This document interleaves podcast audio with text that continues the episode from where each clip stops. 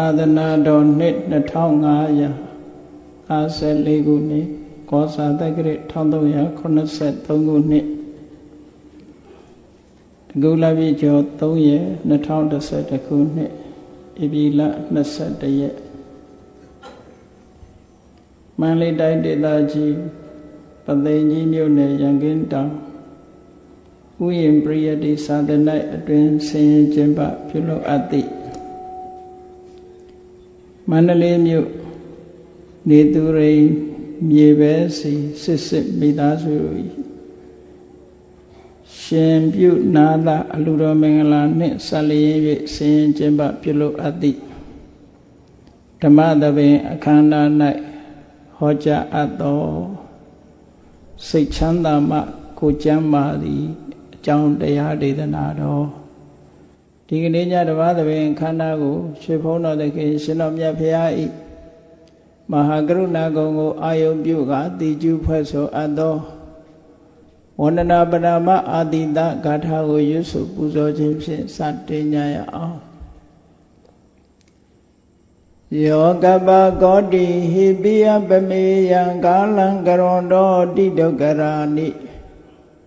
ခေရံကတောလောကဟိတယာနာထောနမောမဟာကရုဏိကတတတ္တာယောနာထောဝိနိယမြာစွာတတ္တဝါဤချမ်းသာစီပါလိုလားတောင်းတဂုံပေါင်းခါသည်ဖြင့်နာထမြညာခြင်းရှင်တော်မြတ်ဖရာသည် ကပ္ပကောတိဟိပိဂရေကဘာအရေးအတွက်သင်္ချာတို့ဖြင့်တော်လဲအဘေမိယံရေတွေ့တိုင်းဒါဖော်ပြခြင်းငါမစွမ်းနိုင်ပါသောကာလံလေးအသင်ချေသိမ့်နေကဘာရှိကြသောကာလပတ်လုံးလောကဟိတယတတ္တလောကဤအကျိုးစီးပွားအလုံးငါအတိဒုက္ခရာနိဥ္စာတဲ့ချစ်လက်အင်္ဂါ မေတ္တာကြီးမှသမိတာနှင့်တထာဇနီဆဉ္ញကြီးဟုကျက်တိထဘွယ်90အစုအလုံးခဲရင်သောအမှုတို့ကိုကရွန်တော်ဖရာဖြစ်ရန်ဤတန်ကြုတ်ကိုအထုတ်တော်မူရသည်ဖြစ်ဖြစ်ခေရန်လက်ချင်းမျက်လုံးအသက်ဆုံးလျက်နှလုံးစိတ်ဝံကိုရောဤပင်မခြင်းသို့ကတောဘဝတဏ္ဏကျိန်ဖျားစွာရောက်တော်မူခဲ့ရရှာလေပြီ မဟာကရုဏီကတတတဝါများယင်ဝဲသားကဲ့သို့တနာချစ်ခင်မဟာကရုဏာရှင်ဖြစ်တော်မူသောသာသနာထသဝိနည်းများစွာတတဝဤချမ်းသာစီးပွားလိုလားတောင်းတအကုန်ပေါင်းခါသည်ဖြင့်နာထအမြညာထိုးရှင်တော်မြတ်ဖရာအားနမောယုတိပြောင်းပြောင်းမှန်ကိုလျော်ပြီ ကရောယုကျိုးရှိခိုးခြင်းသည်အထုဘဝတုစင်စစ်မသွေဖြစ်ပါစေတည်း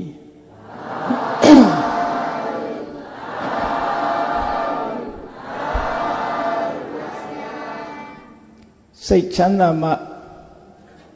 ကိုကျမ်းမာမည်စိတ်ချမ်းသာမှုနဲ့ကျမ်းမာမှုဆိုတာ ဆက်ဆက်ပြီးတော့နေတယ်ဆိုတာမြတ်စွာဘုရားရဲ့ဒေသနာတော်တွေအရာလည်းပဲဆက်ဆက်မှုရှိကြရုပ်ခန္ဓာကိုယ်ကြီးကကံကြောင့်ဖြစ်တယ်စိတ်ကြောင့်ဖြစ်တယ်ဥရုကြောင့်ဖြစ်တယ်အာရကြောင့်ဖြစ်တယ်လူတိုင်းလူတိုင်းမှာကံစိတ်ဥတုအာဟာရလို့ဆိုတဲ့အကြောင်းလေးပါးကိုအခြေခံပြီးတော့ဖြစ်ပေါ်နေတဲ့ခန္ဓာကိုယ်ကြီးကိုရထားကြ ကံဆိုတာကတော့အတိတ်နဲ့ပဲသက်ဆိုင်တယ်ပေါ့ဥတုတို့အာဟာရတို့ဆိုတာလဲဥပနိဒေယတတ္တိနဲ့ပတ်ဝန်းကျင်အခြေအနေတစ်ခုအနေနဲ့ခြေဆုပြုနေတာအမြဲတမ်းဆက်ဆက်ပြီးထိတွေ့နေတာကတော့စိတ်ပဲလူတွေရဲ့စိတ်မှာ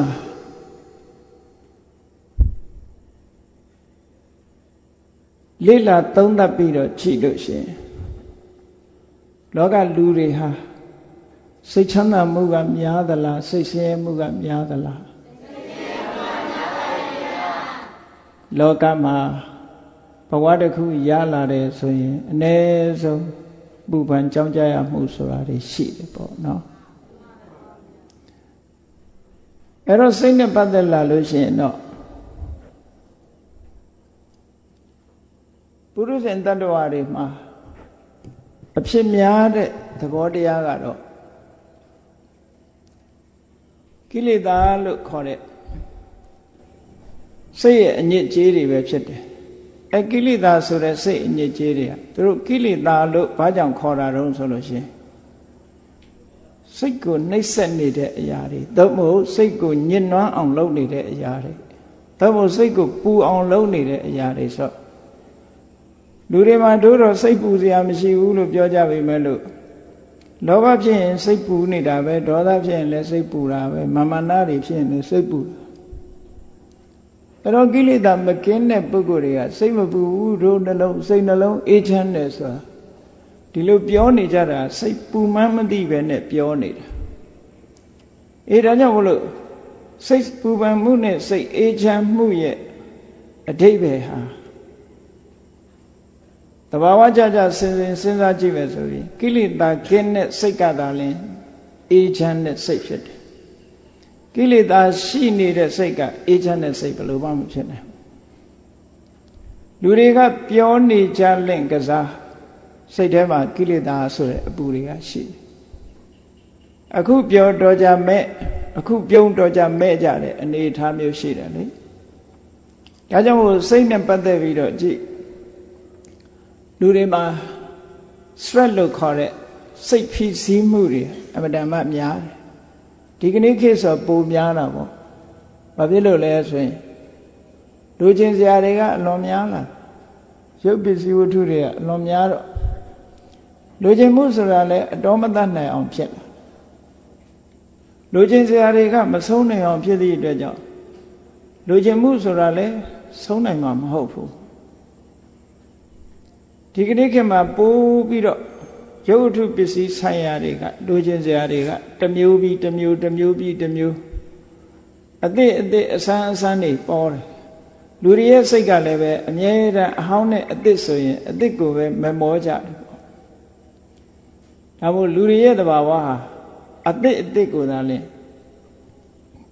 တန်ဖိုးထားပြီးတော့အသစ်သစ်ကိုသာလိုချင်နေကြတာလို့ အဲ့တော့လူတွေရဲ့လောဘဆိုတာယတ္တမို့စာမတန်ခဲရင်လောဘရှိနေပြီဆိုလို့ရှိရင်နောက်ကလိုက်လာတာတော့ဒေါသပဲဘာဖြစ်လို့တော့ဆိုလို့ရှိရင်လိုချင်တာရရင်တော့ကျင့်တတ်နေတာပေါ့မရရင်ဒေါသဖြစ်တာပေါ့အဲ့တော့လောဘဖြစ်နေလို့ဒေါသကလည်းနောက်ကပါနေတာဒါထင်ရှားတာနှစ်ခုပဲပြောကျန်တာတွေကလည်းရှင်ပြိုင်မှုကိုအကြောင်းပြုပြီးတော့မာမနာတွေ တက်ကြတယ်အဲ့တော့စိတ်ကိုပူလောင်စေတတ်တဲ့ကိလေသာတွေကစိတ်အစဉ်ကိုလွှမ်းမိုးထားတာဖြစ်သောကြောင့်လောကလူတွေကစိတ်ချမ်းသာလိုက်တာလို့ပြောပေမဲ့လို့တကယ်ပြည့်ပြည့်ဝဝစိတ်ချမ်းသာမှုမျိုးမဟုတ်ဘူးဆိုတာနားလည်ကြရမှာပေါ့မြတ်စွာဘုရားတရားတော်အရဆိုရင်တကယ်ကျမ်းမာဖို့ဆိုတာစိတ်ချမ်းသာမှကျမ်းမာနိုင်တယ် ဒါမို့စိတ်ချမ်းသာမှကိုကျမ်းမာအဲ့တော့စိတ်ချမ်းသာအောင်စိတ်ကိုပြုပြင်ပေးခြင်းဖြင့်ကိုယ်ကာယကျမ်းမာမှုကိုရရှိနိုင်တယ်အဲ့ဒါလို့ကျမ်းမာမှုရသွားတဲ့ပုဂ္ဂိုလ်တွေဟာမြတ်စွာဘုရားလက်ထက်ကလည်းရှိတာပဲပေါ့သို့တော့ခန္ဓာကိုယ်ကြီးရဲ့သဘာဝကတော့ကျမ်းမာတယ်ဆိုတာလည်းပဲ တခဏပဲဖြစ်မှာပဲဘာဖြစ်လို့လဲဆိုတော့ဘဝဆိုတာကိုကတခဏပဲရှိတာထာဝရမြဲတဲ့အရာမဟုတ်သည့်အတွက်ကြောင့်မမြဲတာကိုမြဲအောင်လုပ်လို့လည်းမရဘူးဆင်းရဲတတ်တဲ့သဘာဝကိုလည်းပဲချမ်းသာအောင်လုပ်လို့မရဘူးကိုမပိုင်တဲ့သဘာဝကိုပိုင်အောင်လုပ်လို့လည်းမရဘူးပေါ့သို့တော်လည်းမိမိစိတ်ကလေးကိုချမ်းသာအောင်ထားနိုင်တဲ့ဤစနစ်တွေကတော့ ရသော်ဘုရားသခင်ကိုရမြတ်ဟောထားလို့အလုံးသိရှိနေကြထိုနည်းတိုင်ကြကြကြုတ်ကိုအထုတ်လို့ရှိရင်ရုပ်ခန္ဓာကိုယ်ကြီးဘယ်လိုပဲဖြစ်ဖြစ်စိတ်ချမ်းသာမှုကိုရရှိနိုင်တယ်လို့ယဟန္တာပုဂ္ဂိုလ်တွေကြတော့မြည်သည့်အခြေအနေမျိုးနဲ့ပဲဆုံတွေ့ရဆုံတွေ့ရရုပ်ခန္ဓာကိုယ်ကြီးမြည်သည့်အခြေအနေမျိုးပဲရောက်ရောက်စိတ်ဟာဖောက်ပြန်ခြင်းမရှိတော့ ကိရိတာဆိုတဲ့ပူလောင်မှုတွေကင်းသည့်အတွက်ကြောင့်စိတ်အိမ်ငြိမ်းချမ်းမှုတော့အမြဲတမ်းရှိတယ်အတော်အသင့်စိတ်ချမ်းသာအောင်ကြိုးစားနိုင်လို့ရှိရင်လူကျမ်းမာဖို့ရရသောအဖြစ်လောကလူတွေဟာကျမ်းမာရေးချိုးတက်လာပြီဆိုလို့ရှိရင်စိတ်ဓာတ်တွေကပါပိုကျဆင်းလာတတ်တယ်ပေါ့ အဲ့ဒါလို့စိတ်ဓာတ်တွေကျဆင်းလာလို့ရှိရင်ယောဂါကလည်းပို့ပြီးတော့လွှမ်းမိုးလာတတ်တယ်သို့တော့စိတ်ကိုဘလောက်ချမ်းသာအောင်ထားထားကာယကျမ်းမာမှုဆိုတာတော့ထာဝရမရနိုင်ဘူးပေါ့မမြဲတဲ့တဘာဝထာဝရမရနိုင်ဘုန်းကြီးတို့တွေစဉ်းစားရမှာခန္ဓာကိုယ်ကြီးရထားလို့ ကံကြောင့်မကြမ်းပါဘူးဆိုရင်ကံပြင်ပေးရုံမှတပါတခြားမရှိဘူးဥရုကြောင့်မကြမ်းပါဘူးဆိုရင်ဥရုကိုပြင်ပေးရမယ်အာဟာရကြောင့်မကြမ်းပါဘူးဆိုရင်အာဟာရပြင်ပေးရအရေးကြီးဆုံးပြင်ဆင်ပေးရမှာကတော့စိတ်ပဲလို့ကိုယ်စိတ်ကိုပြင်နိုင်ပြီဆိုလို့ရှိရင်စိတ်ကြမ်းမှမှုရသွားတဲ့ပုဂ္ဂိုလ်ဟာခန္ဓာကိုယ်ကြီးဘလို့ပဲမကြမ်းပါစေဖြစ်စေစိတ်ကြမ်းမှမှုရသွားလို့ရှိရင်တော့ အမတမ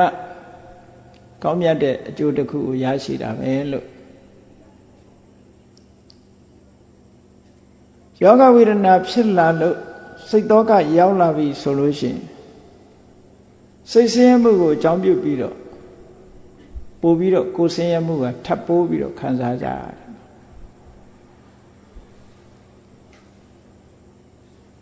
ဖရာယဟနာတွေကြတော့ ကာယကဒုက္ခလို့ခေါ်တဲ့ခန္ဓာကိုယ်မှာဖြစ်ပေါ်လာတဲ့ဆင်းရဲဒုက္ခတွေဘယ်လိုပဲကြုံကြုံစေတသိကဒုက္ခလို့ဆိုရဲစိတ်ဆင်းရဲမှုကမလာဘူးပုရုဇဉ်တ attva တွေကြတော့ကာယကဒုက္ခဖြစ်လိုက်တာနဲ့စေတသိကဒုက္ခကထပ်ပိုးပြီးတော့လာစိတ်ဆင်းရဲမှုကဆက်နွယ်လာ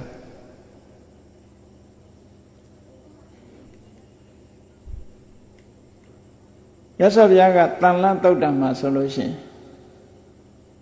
မြားတံနှစ်ချက်အစုခံရတယ်ဆိုပြီးတော့ဟောထားတယ်ကာယကဒုက္ခဆိုတဲ့ဒုက္ခကိုအကြောင်းပြုပြီးတော့စေတသိကဒုက္ခဖြစ်မယ်ဆိုရင်ကာယကဒုက္ခဆိုတဲ့တရားတန်ချက်တစ်ခုပေါ်မှာစေတသိကဒုက္ခဆိုတဲ့တရားတန်ချက်ထပ်ပိုးပြီးတော့လာတယ်အဲ့တော့စိတ်ဟာ ပြုပြင်ဖို့ဟာမတ္တမအရေးကြီးတယ်ကိုကျမ်းမာရေးအတွက်စိတ်ကိုပြုပြင်ပေးခြင်းဖြင့်နောက်ဆုံးထာဝရကျမ်းမာတယ်လို့ဘဝမှာထာဝရကျမ်းမာသွားတဲ့ပုဂ္ဂိုလ်ယန္တာပုဂ္ဂိုလ်ပဲပေါ့စိတ်ကျမ်းမာမှုဟာပို့ပြီးတော့အဓိကကြကိုကျမ်းမာမှုကြိုးစားဖို့တဲ့စိတ်ကျမ်းမာမှုကိုကြိုးစားကြရမှာ ဒါမို့မြတ်စွာဘုရားကအကုလပိတုသုတ်တံမှာဆိုလို့ရှိရင်ကိုနာခြင်းနာပါစေစိတ်မနာပါစေနဲ့လို့ဒီလိုကျင့်ရမယ်လို့ပြောခန္ဓာကိုယ်မှာယောဂဝေဒနာတွေဖြစ်တာတော့ခန္ဓာကိုယ်ကြီးရဲ့ရုပ်ခန္ဓာကိုယ်ကြီးရဲ့သဘာဝပဲစိတ်အစဉ်မှာလောဘဒေါသမောဟစတဲ့ယောဂဝေဒနာတွေနာကျင်မှုတွေမရဘူး တရားဓမ္မကျင့်သုံးကြရတာဖြစ်တယ်ပေါ့မြတ်စွာဘုရားလက်ထက်တော်အခါကလာတော့ကမြတ်စွာဘုရားနဲ့အနိစ္စဆုံးဘုရားကိုလည်းအမတမကြီးညိုလေးစားတဲ့စေရွန်เจ้าကိုဆောက်လုပ်လှူဒန်းထားတဲ့ကျောင်းတကာကြီးဆိုတာအသက်ရရလာတဲ့အခါမှာ तू မကြမကြမကြမမှာဖြစ်တာတွေရှိတယ်ပေါ့ အဲ့ဒါလို့မကြမ်းမမှာဖြစ်လာပြီဆိုလို့ရှိရင်စေဝကုသမှုဆိုတာရှိကောင်းရှိပေမဲ့လို့သူအားကိုဆုံးကတော့ဘာလဲလို့ဆိုရှင်သာရိပုတ္တရာမထေရရဲ့အဆုံးအမဩဝါဒကိုသူနာခံနေတာအနာရဝိတထေကြီးဆိုတာအလုံးသိကြတဲ့အတိုင်းမြတ်စွာဘုရားနဲ့တိန်တပါဝနလို့ ရာဇဂုပြည်နာကတိန်တပါဝနလို့ခေါ်တဲ့ရင်းလိုက်တော်ထဲမှာတွေ့ကြတဲ့ကတတ္တဝံဖြစ်သွားသူမူလနာမည်ကဒုတတ္တပင်ကိုစိတ်ဓာတ်ကိုကတရားတရားလွန်ကောင်းလို့ဗုဒ္ဓဘာသာမဖြစ်ခင်ကတည်းကဆင်းရဲနွမ်းပါတဲ့ပုဂ္ဂိုလ်တွေအမြဲတမ်းကျွေးမွေးဆောင်ရှောက်လို့ ငယ်မြေသုဒ္ဓတလို့လူမသိပဲနဲ့အနာထပိဏိကကိုယ်ွယ်ရမဲ့ဆင်းရဲသားတွေအတွက်ထမင်းဟင်းထောက်ပံ့လှူဒန်းတဲ့လှူရှင်ကြီးလို့ဒီလိုနာမည်ကြီးတာဘုရားဘာသာဖြစ်မှဒီနာမည်ရတာမဟုတ်ဘူးသူ့တဘာဝကိုကဒါနာဘိရတဒါနစ္စာတရားအလှူဒန်းမှာအလွန်မွေ့လျော်တယ်လှူဒန်းတဲ့ဝါဒနာပါတယ် အေးလူဆိုတာဘယ်သူပဲဖြစ်ဖြစ်ကျမကြီးချိုးတက်လာတဲ့အခါမျိုးဆိုတာရုပ်ခန္ဓာကိုယ်မှာမရှောင်မလွဲနိုင်အောင်ရှိလာတတ်တယ်ပေါ့တခါတရံရာသီဥတုကောင်းပြီမဲ့အာဟာရကောင်းကောင်းမွန်မွန်စားပြီမဲ့ခန္ဓာကိုယ်ရဲ့ချွေရင်ချက်ကလေးတွေဟာဖြစ်ပေါ်လာပြီးတော့မမမကြမ်းဆိုတာဒီဖြစ်တယ် အဲ့တော့အနာရဝိသတိကြီးလည်းပဲအသက်အရွယ်မပြောမသိရပေမဲ့လို့နောက်ပိုင်းမှာသူမကြာခဏမမမကြမ်းဖြစ်လာတယ်ယဟန်တန်ဃာတွေထဲမှာသူအမျက်နှိုးဆုံးကြီးညိုဆုံးအာကိုဆုံးပုဂ္ဂိုလ်တော့ဖျားပြီးလို့ရှိရင်ရှင်သာရိပုတ္တရာပဲပေါ့ရှင်သာရိပုတ္တရာကိုအလွန်ကြီးညိုတယ်အလွန်အားကိုးတယ် မြတ်စွာဘုရားကိုကြီးညိုအားကိုးတာတော့မပြောနဲ့တော့ကျောင်းတော်လာတဲ့အခါမှာမြတ်စွာဘုရားကသူ့ကိုတရားဟောနေရင်ပင်မမှာဆွလို့ဆိုပြီးတော့ဘုရားကိုဘယ်တော့မှမေကွန်ပု္ပ္ပာတွေမေးလို့မရှိဘူးတဲ့လူရတန်းတာပဲခ ्यू ဆိုင်ပြီးတော့လူလေးတန်းလေးရှိတယ်ဖះပေါ်မှာအလွန်ငဲ့ညာတဲ့ကျောင်းတက္ကတထေကြီးလို့ တရားနာစရာရှိလို့ရှိရင်ရှင်သာရိပုတ္တရာကိုပဲပင့်နာလေးရှိမြတ်စွာဘုရားတရားဟောရရင်ပင်မမှာပဲဆိုပြီးတော့ဘုရားကိုတော့အမတမငဲ့ညာအနာရဝိတ္တထေကြီးကျမ်းမာကြီးမကောင်းတာနဲ့ပတ်သက်တဲ့သုတ်တံအနာရဗိနိကောဝါဒသုတ်တံဆိုတာလည်းရှိတယ်အဲ့ဒီသုတ်တံကတော့သူ့ရဲ့နောက်ဆုံးနေ့ပေါ့အခုဒီကနေ့ အနာရဝိတထေကြီးမကြမ်းမမှာဖြစ်တယ်ဆိုတဲ့အနာရဗိနိကသုတ်တံစိတ်ချမ်းသာလို့ကျမ်းမာရေးပြန်ရသွားတဲ့အကြောင်းမှတ်တမ်းတင်ထားလောကလူတွေဟာကျမ်းမာရေးချိုးတက်လာပြီဆိုလို့ရှိရင်စေဝဒဆာတစ်ခုတည်းနဲ့မလုံလောက်ဘူးအရေးကြီးတဲ့စိတ်ဓာတ်ကို ပြုပြင်မှုအမှန်တမ်းအရေးကြီးတယ် အချို့ဟာစိတ်ဓာတ်ကိုမပြင်နိုင်သည့်အတွက်ကြောင့်ယောဂဝေဒနာပို့ပြီးတော့တိုးသွားတာတွေရှိတယ်တာဝတိပြည်မှာမြတ်စွာဘုရားနဲ့အတူတကွရှင်သာရိပုတ္တရာတို့ရှင်အနန္ဒာတို့သတင်းသုံးနေထိုင်တဲ့အချိန်မှာနာရဝိတထေကြီးလည်းအသက်အရွယ်ရလာတဲ့အခါမကြမ်းမမှာဖြစ်တယ်စာပေကျမ်းဂန်လို့ပြောမယ်ဆိုရင် အာဘာဒီကောဒုက္ခိတောဘာလကိလနောဆိုစကလုံးသုံးလုံးနဲ့ဖော်ပြအာဘာရိကတကလုံးကြိုက်ခဲနာကျင်နေတယ်ဒုက္ခိတောခန္ဓာကိုယ်ကြီးတခုလုံးဆင်းရဲမှုတွေနဲ့ကြုံတွေ့နေရတယ်ဘာလကိလနောအပြင်းထန်မကြမ်းမမာဖြစ်နေတယ်လို့ဒီလိုဆိုအဲ့ဒါလို့နေမကောင်းထိုင်မသာရှိတဲ့အခါမှာ သူအကြည်ညိုဆုံးအာကိုရဆုံးဖြစ်တဲ့ရှင်သာရိပုတ္တရာစီကိုလူလွတ်ပြီးတော့လျှောက်တာဒါဒီတတုတ်တည်းတည်းမဟုတ်ဘူး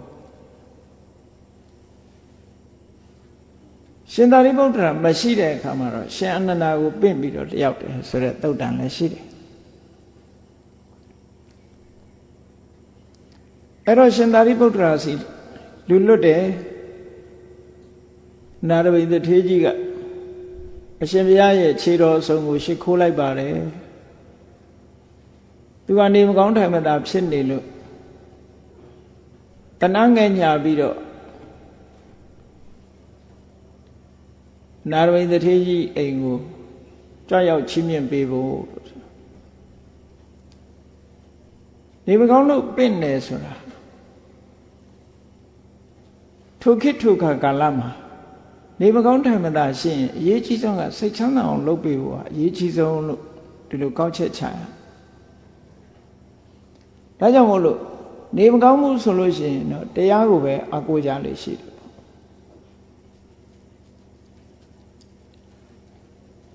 နာရဝိသတိကြီးကအဲ့ဒါလို့ရှင်သာရိပုတ္တရာကိုနေမကောင်းလို့ကြွရောက်ချီးမြှောက်ပေးပါ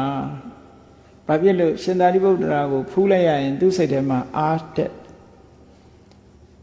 ရှင်သာရိပုတ္တရာမထေရမြတ်ဟောပြောပြသမဲ့တရားဓမ္မတွေနားလဲရလို့ရှင်စိတ်အားတွေရသွားတယ်ဒါကြောင့်မို့နေမကောင်းထိုင်မသာရှင်ဒီလိုလှုပ်လိရှိကြမြတ်စွာဘုရားကိုယ်တိုင်ကလည်းနေမကောင်းထိုင်မသာတဲ့ပုဂ္ဂိုလ်တွေဆိုလို့ရှိရင်ကြွရောက်ပြီးတရားဟောလိရှိခိလနပု္ပ္ပစကနေမကောင်းရင်ပြစ်မထားဘူးသွားပြီးတော့ကြည်တယ်တရားဓမ္မဟောပြောပေးတယ်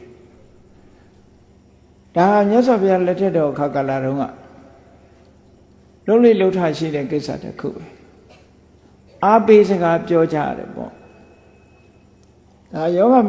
ကြောက်တာမပြောက်တာတော့မဆိုင်ဘူးပေါ့နော်စိတ်ချမ်းသာမှုရတော့အားပေးစကားပြောကြရတယ်နာရဝိန္ဒထေကြီးကရှင်သာရိပုတ္တရာကိုဒီလို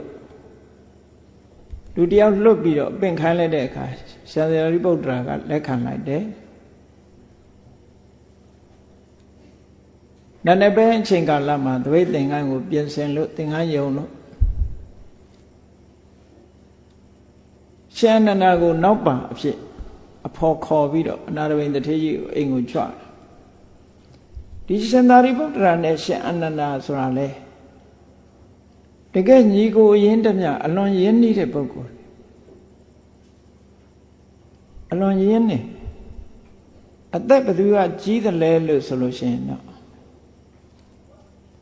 စာထဲမှာတော့အတိအကျမသိရပြီမဲ့လို့ရှင်အနန္ဒာကဖះနဲ့ဖွားဘက်တော်ဆိုရသော်ဘုရားနဲ့တက်တော်ရွယ်တူပေါ့တက်တူရွယ်တူဖြစ်အဲ့တော့ရှင်သာရိပုတ္တရာကမြတ်စွာဘုရားတဲ့ကြီးတယ်ဆိုရင်တော့ ရှင်အနန္ဒာကငယ်မှာပဲမြတ်စွာဘုရားတဲ့ငယ်တယ်ဆိုရင်တော့ရှင်အနန္ဒာကကြီးမှာပဲသို့တော်ယာတုအစင်တန်ဟိုက်အာရာကီလို့ခေါ်တာပေါ့အဲ့ဒီအဆင့်နဲ့ကြည့်မယ်ဆိုရင် ရှင်သာရိပုတ္တရာရဲ့ပညာအရည်ချင်းကဖျားပြီးရင်ပထမနေရာမှာရှိတာဖြစ်တော့ကြောင့်ရှင်ရှင်သာရိပုတ္တရာကိုအလုံးကယုတိလေးစားကြတ ရားဓမ္မနဲ့ပတ်သက်ပြီးတော့ယုတိလေးစားရှင်သာရိပုတ္တရာလည်းပဲဘယ်ပုဂ္ဂိုလ်ပဲဖြစ်ဖြစ်တရားဓမ္မနဲ့ပတ်သက်လာလို့ရှိရင်ဝန်မလေးဘူးမမောမပန်းအမြဲတမ်းရှင်းလင်းဟောကြားပြီးတော့တရားရည်တိုက်ကြွေးလေးရှိတော့အမှန်တမ်းလေးစားကြတယ်ရရှင်အာနန္ဒာကိုပို့ပြီးတော့ ရှင်သာရိပုတ္တရာနဲ့ရှင်အာနန္ဒာရှင်အာနန္ဒာကိုပို့ပြီးတော့ခင်မင်းနေဘာဖြစ်လို့လဲလို့ဆိုတော့မြတ်စွာဘုရားတာဝန်တွေကိုရှင်အာနန္ဒာကယူပြီးတော့ပြုစုနေတာပညာကြီးတဲ့ပုဂ္ဂိုလ်ဆိုတာဘုရားကိုပို့ပြီးတော့ချီးညိုတယ်ပညာကိုတမိုးထားတဲ့ပုဂ္ဂိုလ်တိုင်းပုဂ္ဂိုလ်တိုင်းဘုရားကိုပို့ပြီးအေးတချို့ကတော့ထင်လိုက်မယ်တရားတရားကောင်းတဲ့ပုဂ္ဂိုလ်ကပိုးချီညိုတယ် တရားတရားကောင်းလို့ချီညိုတယ်ဆိုတာတစ်ဖက်ဆွမ်းရောက်သွားတတ်တယ်သူချီညိုပုံချီညိုနည်းကတစ်ဖက်ဆွမ်းရောက်သွားတယ်ပညာနဲ့ချီညိုတဲ့ပုဂ္ဂိုလ်ကြတော့တစ်ဖက်ဆွမ်းမရောက်ဘူးမှန်ကန်တဲ့အတိုင်းတာနဲ့ချီညိုတာပေါ့ဝက်ကလိမထေတို့လိုပညာနဲ့ချီညိုတာမဟုတ်ဘဲနဲ့တစ်ဖက်ဆွမ်းရောက်သွားလို့ရှိရင်တော့ဒါကြည်ညိုမှုရဲ့တရားတရားဟာ လမ်းချော်နေတဲ့တရားတရားမျိုးဖြစ်တယ်ပေါ့ရှင်သာရိပုတ္တရာအဲ့ဒါမျိုးမဟုတ်ဘူးတရားဓမ္မနဲ့ပတ်သက်လာလို့ရှင်မြတ်စွာဘုရားကိုအလွန်လေးစားအလွန်ကြည်ညိုမြတ်စွာဘုရားတောင်းဝန်ဝတရားတွေကိုသူကထမ်းဆောင်နေတယ်သို့တော့တပည့်အနေနဲ့သူကတပည့်ကြီးဖြစ်တော့သူထမ်းဆောင်ရမယ့်ဝတရားတွေကိုရှင်အနန္ဒာကထမ်းဆောင်ပေးတယ်လို့ကျေးဇူးတင်ပြီးတော့ရှင်အနန္ဒာကိုအလွန်ခင်မင်းနဲ့ အလွန်ရင်းနှီးတယ်ဒါကြောင့်မို့ဖြစ်နိုင်ရင်ရှင်အနန္ဒာကိုခေါ်သွားတာဒါလည်းအကြောင်းတစ်ခုပဲပေါ့နောက်အကြောင်းတစ်ခုကတော့နာရဝိတထေးကြီးကလည်းပဲရှင်သာရိပုတ္တရာကိုကြီးညိုသလိုရှင်အနန္ဒာမထေရမြတ်ကိုလည်းပဲကြီးညိုတယ်ဖះနဲ့ဆက်ဆက်နေတဲ့ပုဂ္ဂိုလ်တွေနေမကောင်းတိုင်းမှာဖြစ်နေတဲ့အခါမှာကိုကြီးညိုတဲ့ပုဂ္ဂိုလ် ကိုအားကိုးရတဲ့ပုဂ္ဂိုလ်ရောက်လာလို့ရှင်စိတ်အားတွေအများကြီးတက်သွားနိုင်တာပေါ့ဒါသဘာဝပဲအဲ့တော့ရှင်သာရိပုတ္တရာမထေရမြတ်ရှန္ဒနာခေါ်ပြီးတော့အနာရဘိန်တထေကြီးအိမ်ကိုသွားကြွသွားပြီးတဲ့အခါမှာယောဂပျောက်ရေးတရားဆေးကိုတိုက်ကျွေးတယ်ပေါ့ ယောဂပျောက်စင်နိုင်တဲ့တရားဆေးအေးတရားဆိုတဲ့တရားရည်အေးအမြိုက်ဆေးတိုက်တာနဲ့ယောဂဝေဒနာဟာပျောက်နိုင်သလားဘယ်လိုလုပ်ပျောက်တာလဲစိတ်ဆွမ်းအဘက်ကနေကြည့်ပြီးတော့စိတ်ချမ်းသာအောင်လုပ်ပေးခြင်းဖြင့်ယောဂဝေဒနာဟာပျောက်ကင်းနိုင်ဘယ်လိုလုပ်ပျောက်ကင်းနိုင်တယ်လဲလို့ဆိုလို့ရှိရင်လူရဲ့ခန္ဓာကိုယ်မှာ ဥရုဖောက်ပြန်လို့ကျမကြီးချိုးတဲ့တဲ့ဥဒုဇယုတ်တွေအာရကြောင့်ဖြစ်တဲ့ကျမကြီးချိုးတဲ့နေတဲ့ယုတ်တွေခန္ဓာကိုယ်ထဲမှာတိုးပွားနေလို့ရှိရင်မကြမ်းမမာဖြစ်တာပဲနာရဘိန်တရေကြီးကသောတပန်အစင်းမြတာဖြစ်တော့ကြောင့်လောဘဒေါသ မကင်းသေးဘူးပေါ့အဲ့တော့စိတ်ကြောင့်လည်းပဲယောဂဝေဒနာတွေရကျင်ရနိုင်တာပေါ့သို့တော့ပုရုဇဉ်လောက်ဆိုးဆိုးဝါးဝါတော့မရနိုင်ဘူးပေါ့အဲ့ဒီလိုတခုခုကြောင့်ခန္ဓာကိုယ်ထဲမှာယောဂဖြစ်လာလို့ယောဂဖြစ်စေတတ်တဲ့ယုတ်တရားတွေတိုးပွားနေလို့မကြမ်းမမှာဖြစ်လာပြီဆိုရင် စိတ်ကြည်လင်အေးချမ်းမှုရအောင် ဆောင်ရွက်ပေးလိုက်တဲ့အခါထိုကြည်လင်အေးမြအေးချမ်းတဲ့စိတ်တရားဓမ္မနဲ့ပတ်သက်ပြီးတော့ပီတိတွေဖြစ်လာပြီဆိုရင်အဲ့ဒီစိတ်ကနေပြီးတော့စိတ်တစားရုပ်တွေကိုထုတ်လုပ်တယ်ထုတ်လုပ်လို့တဲ့စိတ်တစားရုပ်တွေဟာကျမ်းမာတဲ့စိတ်တစားရုပ်တွေဖြစ်လာတယ်ခုနကမကျမ်းမမာတဲ့ရုပ်တွေဟာအချိန်တန်တော့ပျက်စီးသွားပြီနောက်ထပ် ကျမ်းမာတဲ့ရုပ်အစဉ်တွေဟာသူ့တဏ္ဍာမှာဖြစ်ပေါ်ပြီးတော့လာတယ်စိတ်ကိုပြုပြင်ပေးခြင်းဖြင့်စိတ်ကြောင့်ဖြစ်ပေါ်လာတဲ့ကျမ်းမာတဲ့ရုပ်တွေဟာခန္ဓာကိုယ်ထဲမှာတိုးပွားလာ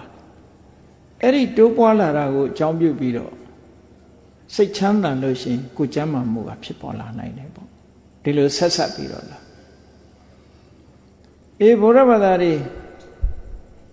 ဘုဇင်သုံးနာလည်းရလို့ရှိရင်ကျမ်းမာတယ်လို့ဆိုတာနေမကောင်းရင်ဘုဇင်သုံးနာကြတယ်ပေါ့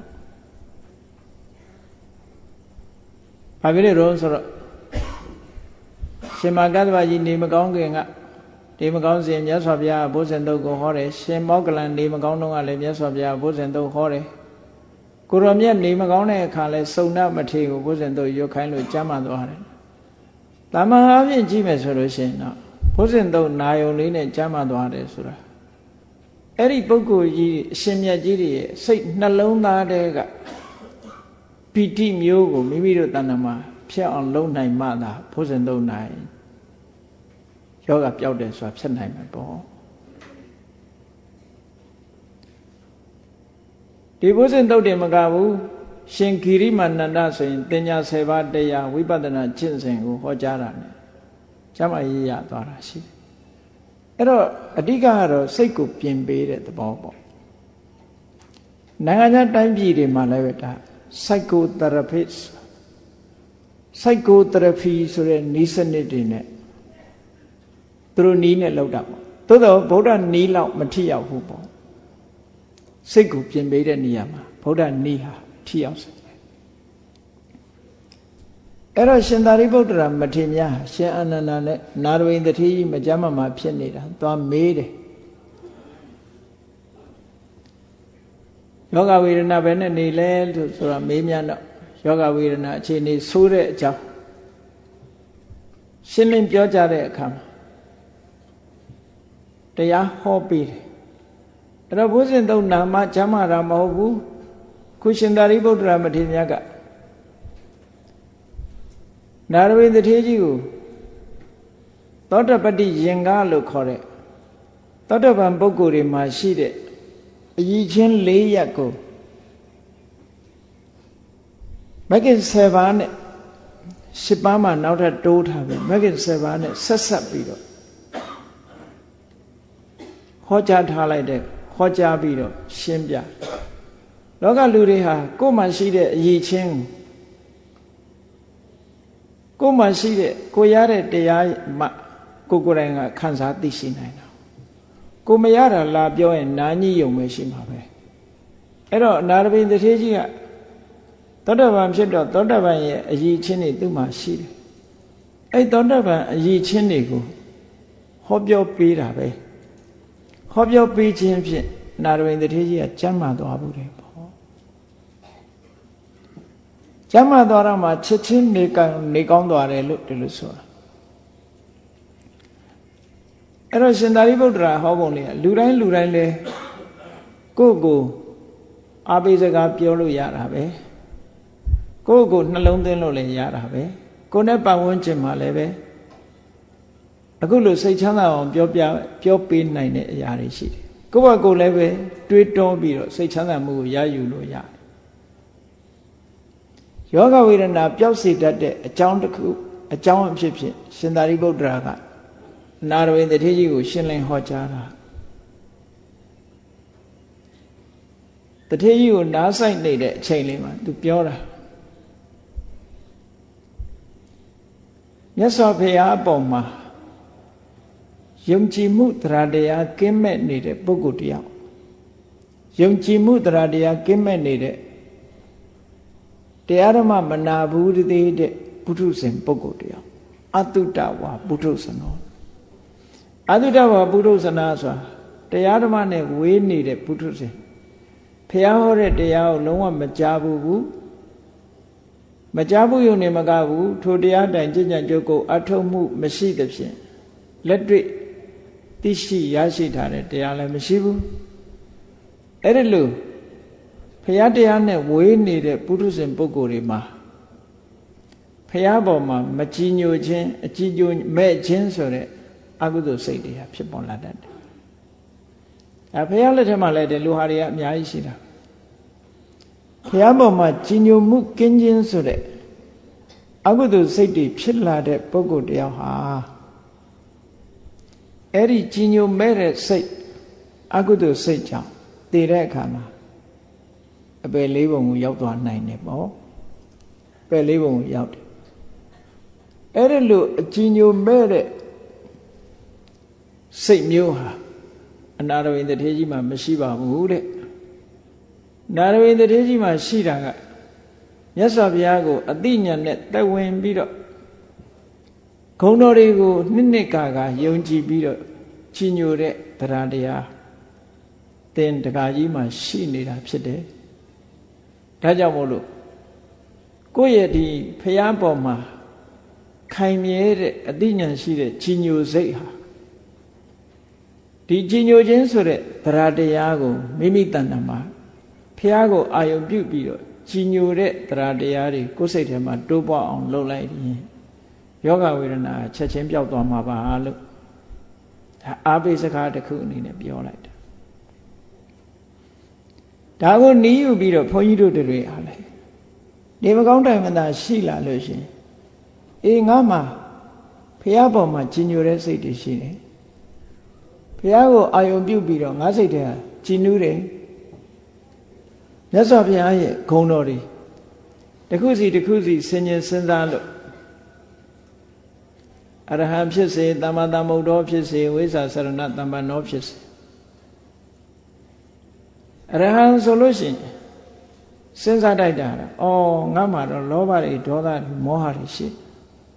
မြတ်စွာဘုရားမှာတော့အဲ့ဒီလောဘဒေါသမောဟဆိုတာတွေအကုန်လုံးကင်းနေတာပါလားတို့မှရှိနေတဲ့ကိလေသာတွေမြတ်စွာဘုရားမှာအကုန်ကင်းနေတာဒါကြောင့်မို့တကယ်ကိုအရဟံပဲလို့ဘုရားကုံတော်တွေကိုတွေးတောပြီးတော့စိတ်ထဲမှာကျဉ်နူးလာအောင် ပိဋိသောမနတာတွေဖြစ်ပွားလာအောင်အသိဉာဏ်နဲ့ဆင်ញင်စဉ်းစားပေးလိုက်မယ်ဆိုလို့ရှိရင်ကိုယ်တဏ္ဍာမှာဖြစ်ပေါ်နေတဲ့ယောဂဝေဒနာပျောက်ကင်းသွားနိုင်တယ်ဒါကြောင့်မို့မကြမ်းမမာဖြစ်လာပြီဆိုလို့ရှိရင်ကိုယ်စိတ်ထဲမှာတဲနေမကောင်းညင်မှုဆိုလို့ရှိရင်ဘုရားကုံကိုအာယုံပြုခြင်းဖြင့်မိမိကိုယ်ကြမ်းမာမှုကိုရအောင်ယူလို့ရတယ်ပေါ့အနာရဝိတတိကြီးကို ရှင်သာရိပုတ္တရာမထေရမြတ်ကဒီနည်းကိုပေးနေတာကျောင်းတကာတထေကြီးတဲ့မြတ်စွာဘုရားအပေါ်မှာအသိပညာနဲ့နှစ်နှစ်ကကယုံကြည်တဲ့တရားတရားအသက်မှာခိုင်ခိုင်မာမာရှိပါတယ်အဲ့ဒီတရားတရားရှိနေသည့်အတွက်ကြောင့်ဘုရားကိုအာယုံပြုလိုက်တာနဲ့ယောဂဝေဒနာတွေဟာပျောက်ကင်းသွားနိုင်ပါတယ်လို့ဒီလိုအားပေးတာ အဲ့ဒီအားပေးနေတဲ့အချိန်မှာပဲအနာရဝိတထေကြီးကလည်းဘုရားကိုကြီးညိုပြီးသားဖြစ်နေတဲ့ပုဂ္ဂိုလ်အားလျော်ဆိုတာသူကဘုရားခုံတွေကိုအာယုံပြုပြီးတော့စိတ်ထဲမှာကြည်နူးမှုတွေရလာအဲ့လိုကြည်ညိုကြည်နူးလိုက်တဲ့အချိန်မှာပဲခန္ဓာကိုယ်ထဲမှာနာကျင်ကြိုက်ခဲနေတဲ့ယောဂဝေဒနာတွေဟာမေ့ပြောက်ပြီးတော့တောသွားရှင်သာရိပုတ္တရာကဆက်ပြီးတော့ဟောတယ် မြတ်စွာဘုရားဟောကြားတဲ့မေတ္တရားဖို့တရားနိဗ္ဗာန်လို့ဆိုတဲ့ဓမ္မဟောကြားထားတဲ့ဒေသနာလို့ခေါ်တဲ့ပရိယတ္တိဓမ္မတွေနဲ့ပတ်သက်ပြီးတော့မကြည်ညိုတဲ့ပုဂ္ဂိုလ်တွေအထင်မြင်လွဲနေတဲ့ပုဂ္ဂိုလ်တွေအဲ့ဒီပုဂ္ဂိုလ်တွေဟာမကြည်ညိုမှုထင်မြင်လွဲမှုကိုအကြောင်းပြုပြီးတော့အပင်ငယ်ရဲ့ကြသွားနိုင်တယ်။ကျောင်းတကာတထေကြီးမှတော့ အခုလိုမကြည်ညိုမှုဆိုတာမရှိဘူးတရားနဲ့ပတ်သက်လာလို့ရှိရင်တရားဂုဏ်တော်တွေကိုနှစ်နှစ်ကာကာသိပြီးတော့ကိုယ်တွေ့လဲတရားကိုမျက်မှောက်ပြုထားတာဖြစ်သောကြောင့်ကိုယ်တိုင်သိရှိထားတဲ့တရားဓမ္မတွေကိုအာယုံပြုလိုက်မယ်ဆိုလို့ရှိရင်ယောဂဝေဒနာတွေဟာချက်ချင်းပျောက်ကင်းသွားနိုင်ပါတယ်လို့ဟောအဲ့ဒါလို့အကြံပြုတရားဟောကြားတဲ့အခါမှာတရားရဲ့ခုံတွေကိုအာယုံပြုတာ ယောဂါတွေတက်တာသွားတယ်ထို့တူပဲလောကမှာတကယ်အရိယတန်ဃာတွေပေါ်မှာအကြီးညိုမဲ့ခြင်းလို့ဆိုတဲ့အကုသိုလ်စိတ်တွေနဲ့တည်သွားမယ်ဆိုလို့ရှိရင်အပင်ငယ်ရောက်နိုင်တယ်တင်တထေးကြီးမှာတော့အရိယတန်ဃာတွေပေါ်မှာနှစ်နှစ်ကံကယုံကြည်တယ်အသိဉာဏ်တက်ဝင်ပြီးတော့ယုံကြည်တယ်ဆိုတော့တရားစွမ်းအားဉာဏ်စွမ်းအားတွေရှိနေတယ်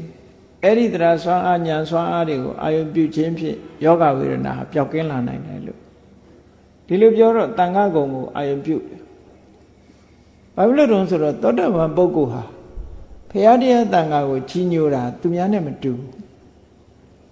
ပုရုဇဉ်တွေကြီးညိုမှုနဲ့မတူမပြောင်းလဲတဲ့အသိဉာဏ်သက်ဝင်တဲ့ကြီးညိုမှုမျိုးဒါမို့အဝိစ္စပတ္တာထလို့ခေါ်တယ် လှုပ်ရှားရင်းရခြင်းမရှိဘူးကြန့်ခိုင်တဲ့ကြီးညိုမှုကြန့်ခိုင်တဲ့ကြီးညိုမှုဆိုတာအသိဉာဏ်နဲ့ဆုံးဖြတ်ပြီးတော့ကြီးညိုတဲ့ကြီးညိုမှုပုရုဇဉ်တွေရဲ့တရားတရားဆိုတာအသိဉာဏ်နဲ့ထိမ့်မထားသည့်အတွက်ကြောင့်ရိမ့်ရိုင်သွားသေးတယ်တတ္တဗံပုဂ္ဂိုလ်ဖြစ်သွားလို့ရှိရင်ဘုရားတရားတန်ခါနဲ့ပတ်သက်တဲ့သူတို့ရဲ့တရားတရားဟာရိမ့်ရိုင်လှုပ်ရှားခြင်းမရှိဘူးကြန့်ခိုင်သွားတဲ့အနေအထားမှာရှိတယ်ဆိုတော့အဲ့ဒီစွမ်းအားတွေစိတ်ထဲမှာ နှလုံးသွင်းလိုက်တာနဲ့တပြိုင်နက်သူကိုယ်တိုင်မျက်မှောက်ပြုထားတဲ့သူတဏ္ဍမှာရှိတဲ့တရားတွေကိုအာရုံပြုရင်းယောဂဝေဒနာတက်တာဟောနောက်တစ်ခုကိုချင်းသီလနဲ့ပတ်သက်လာအရိယကန္တအရိယာတွေကမျက်မျက်နှုံနှုံဆောင်းလျှောက်တယ်ဆိုတဲ့သီလကိုချင်းတရားပါလဲဆိုရင်၅ပါးသီလ မျက်နှိုးတယ်ဆိုတာဘယ်လောက်ထိမျက်နှိုးတာတုံးလို့မေးလို့ရှိရင်ဘုန်းကြီးတို့ပုရုဇဉ်တွေကိုယ့်ဘက်ကိုကြည့်ပါပုရုဇဉ်ပုဂ္ဂိုလ်တွေကလွယ်လွယ်နဲ့ငါးပါးသီလကိုချိုးဖောက်နိုင်ကြတယ်လွယ်လွယ်နဲ့ချိုးဖောက်နိုင်တယ်ဆိုတာဘာမှတန်ဖိုးမရှိတဲ့ကိစ္စလေးနဲ့လည်းပဲငါးပါးသီလကိုချိုးဖောက်တယ်အဲ့တော့ငါးပါးသီလဟာသူလိုချင်တဲ့တန်ဖိုး ငွေကြေးတနလောက်တောင်တန်ဖိုးမထားဘူးဆိုတဲ့အဓိပ္ပာယ်မျိုးရှိတယ်လွယ်လွယ်လေးနဲ့ငါးပါးသီလနဲ့လဲပြစ်ကြတယ်ပေါ့အရိယပုဂ္ဂိုလ်တွေကြတော့ငါးပါးသီလကိုလွယ်လွယ်နဲ့လဲပြစ်တာမရှိဘူးနောက်ဆုံးမှာအသက်နဲ့ငါးပါးသီလအသက်အသေးခံမလားငါးပါးသီလကိုဖောက်ဖျက်မလားလို့ဆိုရင်အသက်ကိုအသေးခံမယ်ငါးပါးသီလမဖောက်ဖျက်ဘူးဆို အသက်ထက်ကိုတန်မိုးထားပြီးတော့ဆောင်းလျှောက်လို့ဒါမှမဟုတ်အရိယကန္တလို့ခေါ်တယ်အရိယပုဂ္ဂိုလ်တွေကအလွန်မြတ်မြတ်နိုးနိုးထင်းထင်းဆောင်းလျှောက်မြတ်နိုးတာဒီဘဝတွင်လားလို့ဆိုမဟုတ်ဘူးဘဝကူးသွားလို့နောက်ဘဝရောက်ရင်လည်းပဲဒီကိုချင်းတရားနဲ့ပတ်သက်ပြီးတော့သူတို့မှခိုင်မြဲသွားတယ်ကြိုးချင်းပေါက်ချင်းပျောက်ချင်းကြားချင်းဆိုတာမရှိဘူးတမာရီကိုဖော်ဆောင်နိုင်လောက်အောင် သူတို့တီလာခိုင်မြဲတယ်တမာတိတန်ဝတ္တနိကနေတမာတိကိုဖြစ်စေတယ်ကိုချင်းတီလာကတမာတိကိုဘယ်လိုဖြစ်စေတာတုံးလို့ဆိုလို့ရှိရင်ကိုချင်းတီလာရဲ့ဆွမ်းဆောင်မှုကကြည့်ရသော်ဗျာထိုထိုသုတ်တန်နေမှာဟောတာရှိတယ်ကိုချင်းတီလာရှိတဲ့ပုဂ္ဂိုလ်ဟာကိုယ့်ရဲ့တီလာကိုဆင်ញင်လိုက်တဲ့အခါမှာဘယ်တော့မှဆိုစိတ်နှလုံးအေးချမ်းမှုကိုရရှိ စိတ်နှလုံးမသားမရာဆိုတာမဖြစ်ဘူးဒါကြောင့်မို့တီလံအဝိပတိတာရာယတီလဆိုတာစိတ်နှလုံးအေးချမ်းတယ်စိတ်နှလုံးထဲမှာကြည်လင်တယ်အဲ့ဒီစိတ်နှလုံးအေးချမ်းမှုကဘာကိုစွမ်းဆောင်ပေးတော့ဆိုတော့ဝမ်းမြောက်မှုကိုစွမ်းဆောင်ပေးပမောဇဝမ်းမြောက်မှုကဘာတော့ဆိုရင်စိတ်ကိုနှစ်သက်ကျဉ်နှံ့မှုပီတိကိုဆောင်ခြင်းပေးတယ် အဲ့ဒီပီတိကဘာကိုဆောင်ခြင်းတယ်လဲဆိုရင်ပတ္တတိလို့ခေါ်တယ်ကိုယ်စိတ်ငြိမ်းချမ်းမှုကိုဆောင်ခြင်းပေးတယ်တခါကိုယ်စိတ်ငြိမ်းချမ်းမှုရှိလာတာနဲ့တပြိုင်နက်ဒုက္ခလို့ဆိုတဲ့ကိုယ်ချမ်းသာမှုစိတ်ချမ်းသာမှုတွေရတယ်ဒုက္ခဆိုတဲ့ကိုချမ်းသာမှုစိတ်ချမ်းသာမှုရလာတာနဲ့တပြိုင်နက်တမာတိစိတ်တည်ငြိမ်မှုလေးရရလာဒါကြောင့်မို့လို့တီလကိုပြည့်ပြည့်ဝဝစင်ကြယ်တဲ့ပုဂ္ဂိုလ်တွေဟာတမာတိကိုရဖို့ရအမှန်တမ်းလွယ်ကူတယ် သီလမလုံခြုံဘူးဆိုလို့ရှိရင်ကပ္ပဋ္ဌာန်းထိုင်လိုက်တာနဲ့တပြိုင်နက်ကိုယ့်ရဲ့လောက်ရတဲ့ဟာအရေးမဲကြီးလို့စိတ်ထဲမှာလွှမ်းမိုးလာတတ်တယ်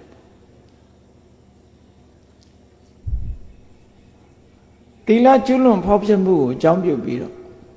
လူဟာစိတ်နှလုံးမတမယာဖြစ်ကြရတယ်ပေါ့သီလရှိပြီဆိုရင်စိတ်နှလုံးမတမယာဆိုတာဝိပဋိတာရဆိုတာမလာတော့ဘူးပေါ့ အဲ့ဒါလို့ကိုချင်းသီလနဲ့ပတ်သက်ပြီးအသက်တဲ့တံမိုးထားပြီးတော့ထိမ့်သိမ်းဆောက်ရှောက်တာအဲ့ဒါလို့ထိမ့်သိမ်းဆောက်ရှောက်မှုမရှိဘူးသီလကိုမျက်မျက်နှုံနှုံမဆောင်ထိန်ဘူးပါဏာတိပါဒကိုလည်းကျွလွန်တယ်အာရိဏဒါနကာမိတုမိစ္ဆာစာရမုဒဝါဒသူရမေရိယဆိုတာတွေကိုလွယ်လွယ်ကူကူနဲ့ကျွလွန်တဲ့ပုဂ္ဂိုလ်တွေဟာထိုအကုသိုလ်ပြစ်မှုကြောင့်အပင်ငရဲကိုကြားကြတယ်။ ကျောင်းတက္ကနာရောရင်တထေးကြီးမှာတော့ဒီလိုအပယ်ကိုကြားเสียတိလကျွလွန်ဖောက်ပြမှုတခုမှမရှိဘူး။တိလကိုအသက်တထံမိုးထားပြီးစောင့်ရှောက်တဲ့ပုဂ္ဂိုလ်ဖြစ်လို့ကိုယ့်ရဲ့သီလကိုကိုအာယုံပြုလိုက်တာနဲ့တပြိုင်နက်စိတ်ထဲမှာကြည်နူးဝမ်းသာလာပီတိဖြစ်လာနိုင်နာရဝိန္ဒထေကြီးကရှင်သာရိပုတ္တရာဟောပြောချက်ကိုနားထောင်ရင် စိတ်ထဲမှာကျဉ်တ်လာယောဂတဖြည်းဖြည်းမေ့လာတယ်ယောဂပေါ်မှာစိတ်မရောက်တော့အဲ့တော့ဗုဒ္ဓဝိသပတ္တာရဘုရားကိုနှစ်နှစ်ကာကကြီးညိုတယ်အသိဉာဏ်နဲ့ဓမ္မေဝိသပတ္တာရတရား၌နှစ်နှစ်ကာကကြီးညိုတယ်တန်ခေဝိသပတ္တာရတန်ခါ၌နှစ်နှစ်ကာကကြီးညိုအရိယကန္တတိလအရိယတွေမျက်မျက်နိုးတဲ့စောင်းမျက်မျက်နိုးနိုးစောင်းလျှောက်တဲ့တိလနဲ့ပြည့်စုံနေဆိုသောတပတ္တိယင်က သောတပန်ပုဂ္ဂိုလ်ဆိုတာဒီအချက်လက်တွေနဲ့ပြည့်စုံအောင်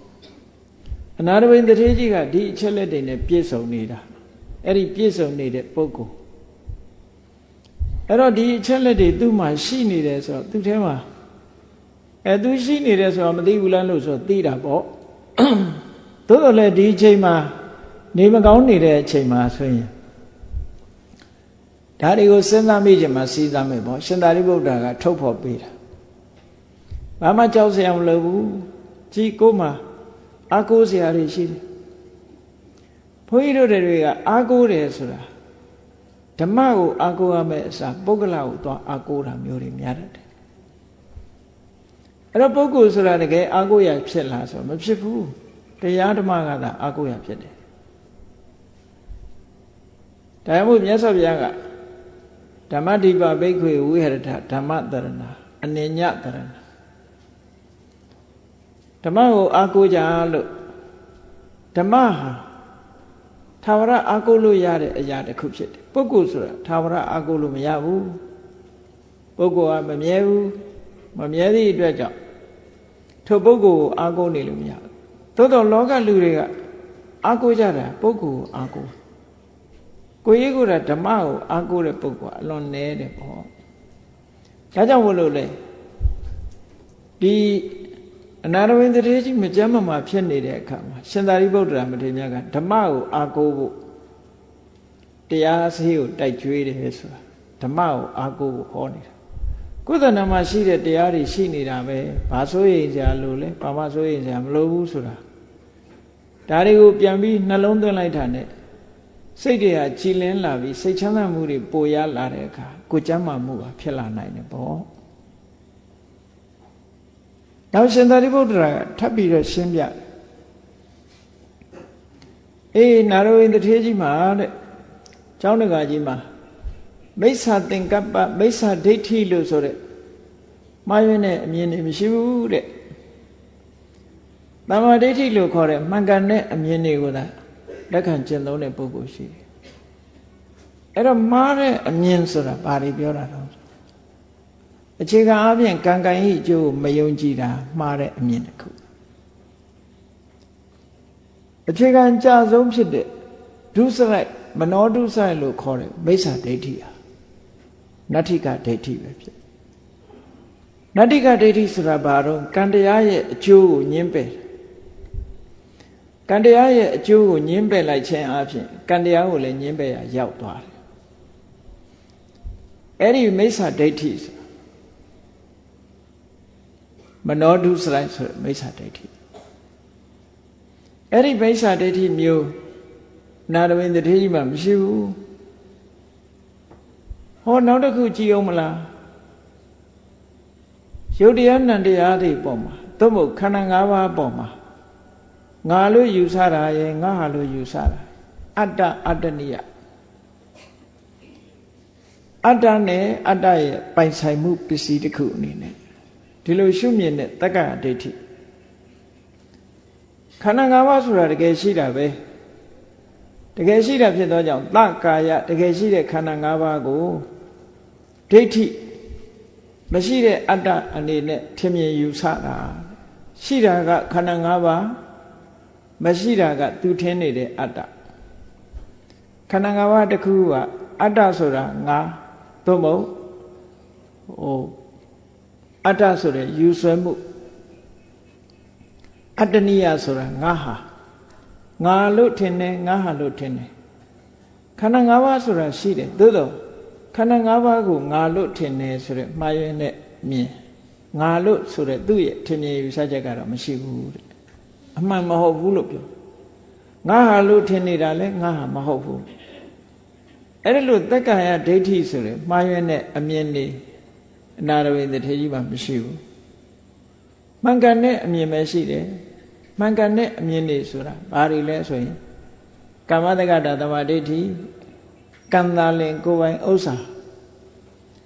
ကံကံသာလင်ကိုယ်ပိုင်ဥစ္စာဆိုတာကိုလှုပ်တာကိုဆိုင်နေဆိုကံကိုအတိမတ်ပြုတာကံရဲ့အကျိုးတရားကိုအတိမတ်ပြုတဲ့သဘော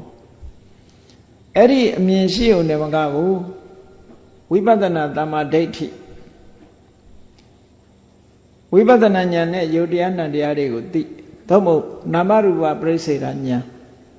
နာမရူပပြိစေတာဉာဏ်ယုတ်နဲ့နံကိုပိုင်းခြားသိတဲ့အတိကြောင့်တက္ကရာဒိဋ္ဌိဆိုတာသူ့တဏ္ဍာမှာမရှိဘူးအဲ့ဒီနာမရူပပြိစေတာဉာဏ်လို့ခေါ်တဲ့တမ္မာဒိဋ္ဌိဒီတွေမကဘူးဝိပဿနာဉာဏ်7ပါးအစဉ်စဉ်သွားလို့သောတပတိမဲ့သောတပတိဖိုလ်လို့ဆိုတဲ့တမ္မာဒိဋ္ဌိဉာဏ် နာရဝိန်တထေကြီးမှာရှိနေတာအဲ့တော့မိစ္ဆာဒိဋ္ဌိဖြစ်တဲ့ပုဂ္ဂိုလ်သားလည်းထိုမိစ္ဆာဒိဋ္ဌိကိုအကြောင်းပြုပြီးတော့ပင်ငရဲကြနိုင်တာနာရဝိန်တထေကြီးမှာမိစ္ဆာဒိဋ္ဌိဆိုတာမရှိဘူးတမ္မာဒိဋ္ဌိတကယ်ကိုအစစ်မြင့်တဲ့သောတပတိမဲ့သောတပတိဖို့လို့ခေါ်တယ်ဒီတမ္မာဒိဋ္ဌိအတိညာထိအောင်ရှိထားတဲ့ပုဂ္ဂိုလ်တယောက်ဖို့ယောဂဝေဒနာတွေဘာမှ မပြောက်ခင်းစရာမရှိဘူးဒီအည်သွေးတွေလည်းငါတဏ္ဍမှာရှိတယ်လို့ဆင်ခြင်စဉ်းစားမယ်ဆိုရင်ယောဂဝေဒနာတွေဟာပျောက်သွားနိုင်ပါတယ်ချက်ချင်းပျောက်သွားနိုင်ပါတယ်ဒါကုကုကိုဆင်ခြင်စဉ်းစားဖို့ရှင်သာရိပုတ္တရာနေလံပေးတာဘုန်းကြီးတို့တွေလည်းဆင်ခြင်စဉ်းစားကြည့်ငါမှမိစ္ဆာအယူဝါဒတွေရှိနေသလားငါရဲ့တမ္မာဒိဋ္ဌိဟာဘယ်အတိုင်းတာအထိရှိသလဲ ကံကံရဲ့အကျိုးကိုယုံကြည်ခြင်းဆိုတဲ့ကမ္မတက္ကတာတမ္မာဒိဋ္ဌိကအနှိမ့်ဆုံးပဲအခြေခံတမ္မာဒိဋ္ဌိအဲ့ဒီတဲ့အစစ်မြင့်တာကဝိပဿနာတမ္မာဒိဋ္ဌိဝိပဿနာတမ္မာဒိဋ္ဌိဆိုတာအဲ့ဒီမှာလည်းပဲထပ်ခွဲလို့ရှိရင်နာမရူပပရိစေဒညာတတ္တဝါဆိုတာမရှိဘူးနာနဲ့ယုတ်နှမျိုးသာရှိတယ်လို့ဒီလိုနာနဲ့ယုတ်ပိုင်းခြားသိပြီးတတ္တဝါဆိုတဲ့အယူအတွေးကိုကြော်လွှားနိုင်တဲ့အမြင်မျိုးရှိရ အဲ့ဒါတမ္မာဒိဋ္ဌိအဲ့ဒီကနေတဆင့်တက်လိုက်လို့ရှိရင်ယုံနဲ့နာဆိုတာသူ့ဟာသူဖြစ်တာမဟုတ်ဘူးဆံရဆံရအကြောင်းတရားတွေကြောင့်ဖြစ်တာလို့အကြောင်းတရားပါတွဲဖက်ပြီးတော့သိလိုက်ရင်ပစ္စယပရိက္ခအညာဒါလည်းတမ္မာဒိဋ္ဌိပဲအဲ့ဒီကနေယုတ်တရားနံတရားတွေရဲ့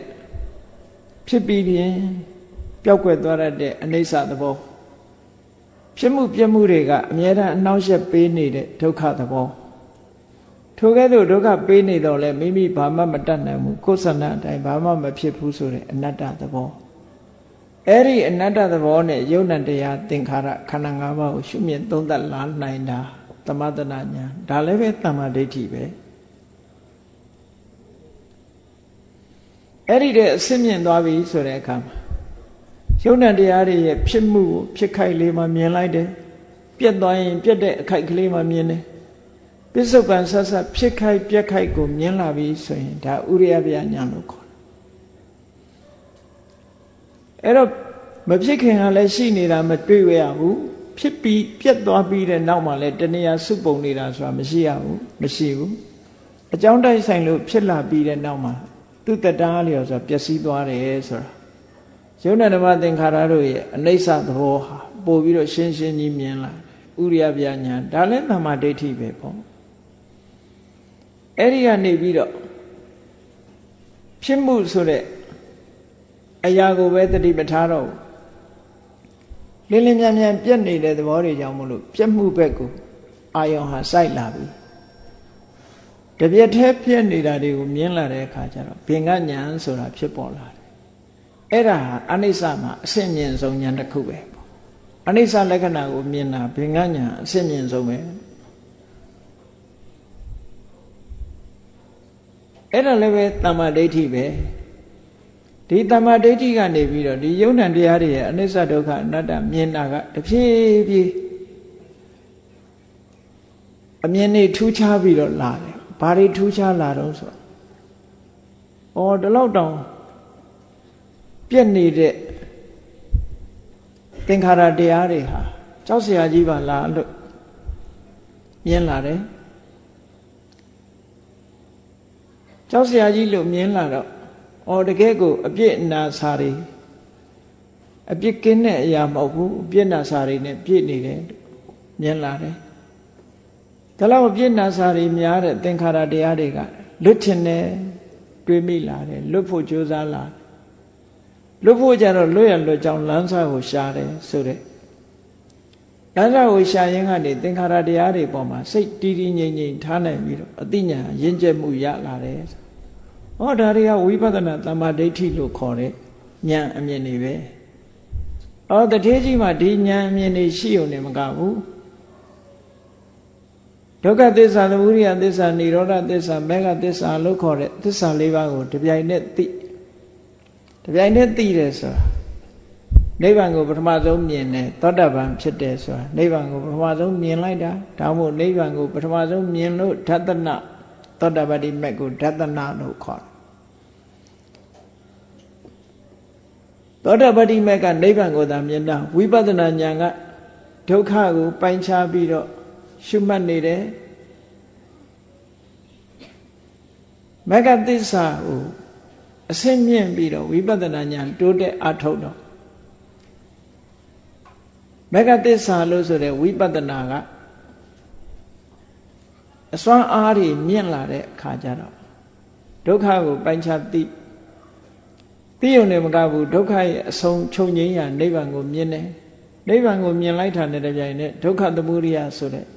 ဆရာဆရာကိလေသာတွေကိုလည်းပယ်သွားနိုင်တယ်အဲ့ဒါလို့အစင်းမြင့်တဲ့မက္ကတမ္မာဒိဋ္ဌိဖလတမ္မာဒိဋ္ဌိဆိုတာလည်းယာပြီးသားဖြစ်နေတယ်ဒါကြောင့်မို့လို့ မိစ္ဆာဒိဋ္ဌိရှိတဲ့ပုဂ္ဂိုလ်ကသာလဲဘဝအရေးမှာစိတ်မအေးရပေမဲ့လို့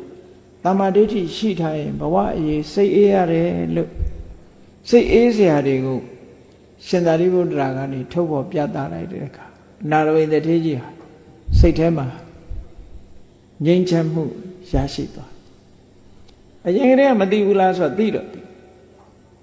ဒီလိုတရားဟောနေတဲ့အချိန်မှာတရားကိုအာရုံစိုက် ရသော်ဘုရားပဲကြည်လေရသော်ဘုရားဘိုးစဉ်ကုဏ္ဏပါပွားလို့ဘုရားဖြစ်တာပဲသို့တော့နေမကောင်းတဲ့မသာရှိတဲ့အခါရှင်စုံနာကိုဒီဘုဇင်ခုနှစ်ပါးရွတ်ခိုင်းတာ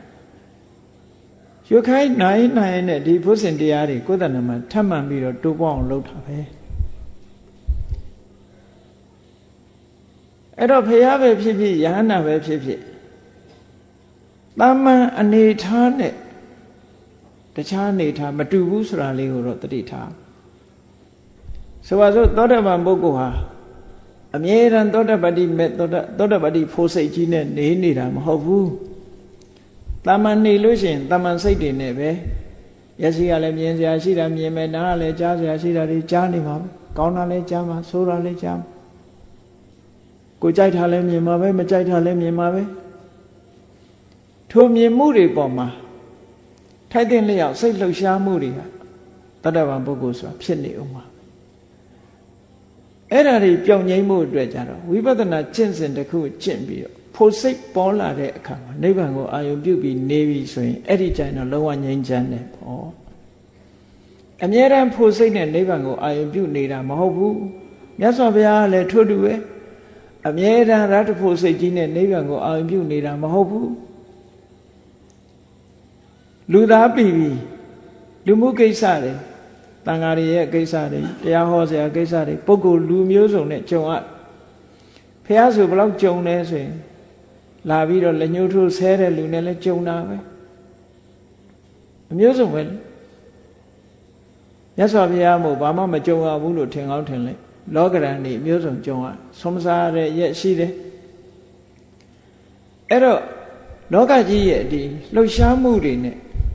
တွေ့ကြုံနေရတဲ့အခါမှာစိတ်ဓာတ်ဟာရိမ့်ရိုင်သွားတာမရှိတော့လည်းပဲနိဗ္ဗာန်ကိုအာရုံပြုနေရသလောက်ဘယ်ချမ်းသာမလဲ။ဒါကြောင့်မို့လို့မြတ်စွာဘုရားကလည်းဝိပဿနာကျင့်စဉ်ကိုအာယုံပြုတ်ပြီးတော့ရတ္တဖို့ရောက်ထိတဲ့အခါနိဗ္ဗာန်နဲ့ထိတွေ့ပြီးတော့အဲ့ဒီအချိန်ကျမှစိတ်ငြိမ်းချမ်းသာဟုတ်ဒါကြောင့်မို့မကြမကြတမဘဝင်စားတယ်ဆိုတာအဲ့ဒါပြောတယ်။ ဇံဝင်စားတာတို့တမဘဝင်စားတာတို့အဲ့ဒီအချိန်လေးမှာတကယ်ကိုဒိဋ္ဌရမဒုက္ခဝိဟာရဝိမု ക്തി ဒုက္ခလို့ခေါ်လွတ်မြောက်ခြင်းရဲ့ချမ်းသာမှုဟာဝင်စားနေမှာရအခုလည်းနာရဝိန္ဒတိကြီးသူတည်ပြီးသားဖြစ်တော်လည်းပဲတရားဟောနေတဲ့အချိန်လေးမှာသူစိတ်တွေဟာရှင်လန်းတက်ကြွလာဒါမို့စိတ်ချမ်းသာတော့သူကိုချမ်းသာမှုတွေပိုရလာတယ်လို့ပြောတယ် အဲထို့တူပဲရှင်သာရိပုတ္တရာကတခုချင်းတခုချင်းရှင်းသွားတာမိစ္ဆာသင်္ကပ္ပဆိုတာတထေးကြီးမှမရှိဘူးတဲ့မိစ္ဆာသင်္ကပ္ပဆိုတာမမရင်တွေးတဲ့အတွေးတွေဘာတွေလဲဆိုရင်ကာမဂုဏ်အာယုန်နဲ့ပတ်သက်တဲ့လောဘနဲ့တွေးတဲ့အတွေးဖြာပါရဝိတကသို့မဟုတ်ဗျာပါဒသင်္ကပ္ပလို့ဆိုဒေါသနဲ့တွေးတဲ့အတွေး ဝိညာသင်္ကပ္ပဆိုသူများညှင်းဆဲလို့တဲ့အတွေးတွေနဲ့တွေးတဲ့အတွေးတခြားအကုသိုလ်ပွားစေတတ်တဲ့အတွေးတွေနာရဝိတ္တထေကြီးမှာမရှိဘူးအဲ့ဒီအတွေးတွေဒုက္ခပေးလို့ရှိရင်နောက်ဆုံးအပင်ငရဲထီအောင်ရောက်နိုင်တယ်နာရဝိတ္တထေကြီးမှာတော့မိစ္ဆာသင်္ကပ္ပဆိုတဲ့မှားရွက်တဲ့အတွေးတွေမရှိဘဲနဲ့တမ္မာသင်္ကပ္ပဆိုတဲ့မှန်ကန်တဲ့အတွေးပဲရှိတော့မှန်ကန်တဲ့အတွေးတွေဆိုတာဘာလဲလို့ဆိုရင်နိခမ္မသင်္ကပ္ပ နိခမ္မသင်္ကပ္ပဆိုတာဝိပဿနာကျင့်စဉ်ကျင့်ပြီးတော့နိဗ္ဗာန်အာယုန်နဲ့နေတာသို့မဟုတ်ယုံနဲ့ဓမ္မသင်္ခါရတို့ရဲ့မမြဲတဲ့သဘောဆင်ញင်စဉ်းစားနေတာသို့မဟုတ်တမာတိကျင့်စဉ်တစ်ခုကိုကျင့်ပြီးတော့တမာတိအာယုန်နဲ့နေတာဟောနိခမသင်္ကပ္ပကာမဂုဏ်အာယုန်အတွေးဆိုတာဒီလောဘနဲ့မတွေးဘူးလောဘလွတ်ကင်းတဲ့နေရာမှာတွေးတယ်အပြဘာရ ဝိတက်ကသို့မဟုတ်အပြဘာရသင်္ကပ္ပဒေါသကင်းပြီးတော့မေတ္တာသက်ဝင်တဲ့အတွေးနဲ့တွေးတယ်အဝိဟိတသင်္ကပ္ပညှင်းဆဲလို့တဲ့အတွေးနဲ့မတွေးဘူးကရုဏာနဲ့တွေးတဲ့အတွေးတွေပဲတွေးတယ်ဆိုတကယ်ကိုမှန်ကန်တဲ့အတွေးတွေတွေးအဲ့တော့မှန်ကန်တဲ့အတွေးရှိနေတဲ့ပုဂ္ဂိုလ်တယောက်စိတ်ရဲ့ကြည်လင်မှုအာကိုတစ်ခုရှိသည့်အတွက်ကြောင့်ယောဂဝေဒနာဆိုတာချက်ချင်းပြောက်ကင်းနိုင်တယ်လေ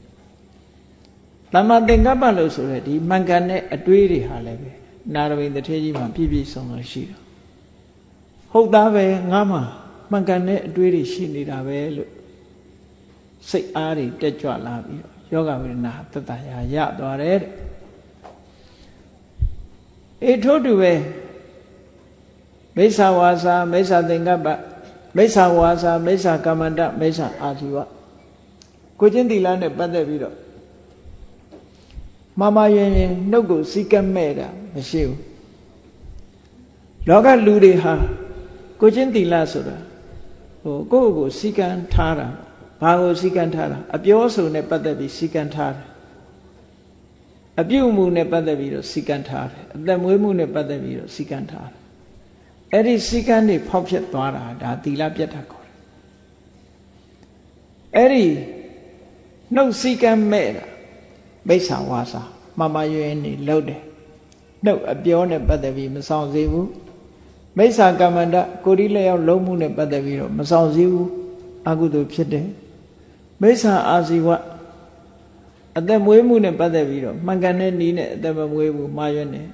အဲ့ဒီလိုပုံကုမျိုးတွေဟာကိုချင်းတိလာမပြေဝတဲ့ပုံကိုယ်တွေဖြစ်လို့ထိုကိုချင်းတိလာမပြေဝမှုကိုကြောင်းပြုပြီးတော့အပင်ငရဲမှာဒုက္ခရောက်တတ်တယ်ပေါ့ အပေပုံကြရောက်ပြီးဒုက္ခရောက်တယ်ဟောနာရဝိတ္ထေကြီးမှာတော့အဲ့လိုဟာမျိုးလုံးဝမရှိဘူးတမဝါစာတမကမ္မန္တတမအာဇီဝမှန်ကန်တဲ့အပြောတွေမှန်ကန်တဲ့လုပ်ရတွေအသက်မွေးမှုမှန်ကန်တာတွေနဲ့ကိုချင်းတီလာပြည့်ပြည့်ဝါရှိတယ်လို့ဒီလိုကိုယ့်ရဲ့ကိုချင်းတရားကိုဆင်ញင်သုံးသပ်လိုက်တဲ့အခါမှာကျေနပ်စရာတွေပီတိတွေဖြစ်တာပေါ့ အေထုတူပဲမိစ္ဆာဝါယာမမိစ္ဆာဝါယာမဆိုတာမမရင်ရင်ကျိုးပန်းအထုတ်မမရင်ရင်ကျိုးပန်းအထုတ်တယ်ဆိုတာအကုသိုလ်လုပ်ငန်းတွေနဲ့ပတ်သက်ပြီးတော့ကျိုးပန်းအထုတ်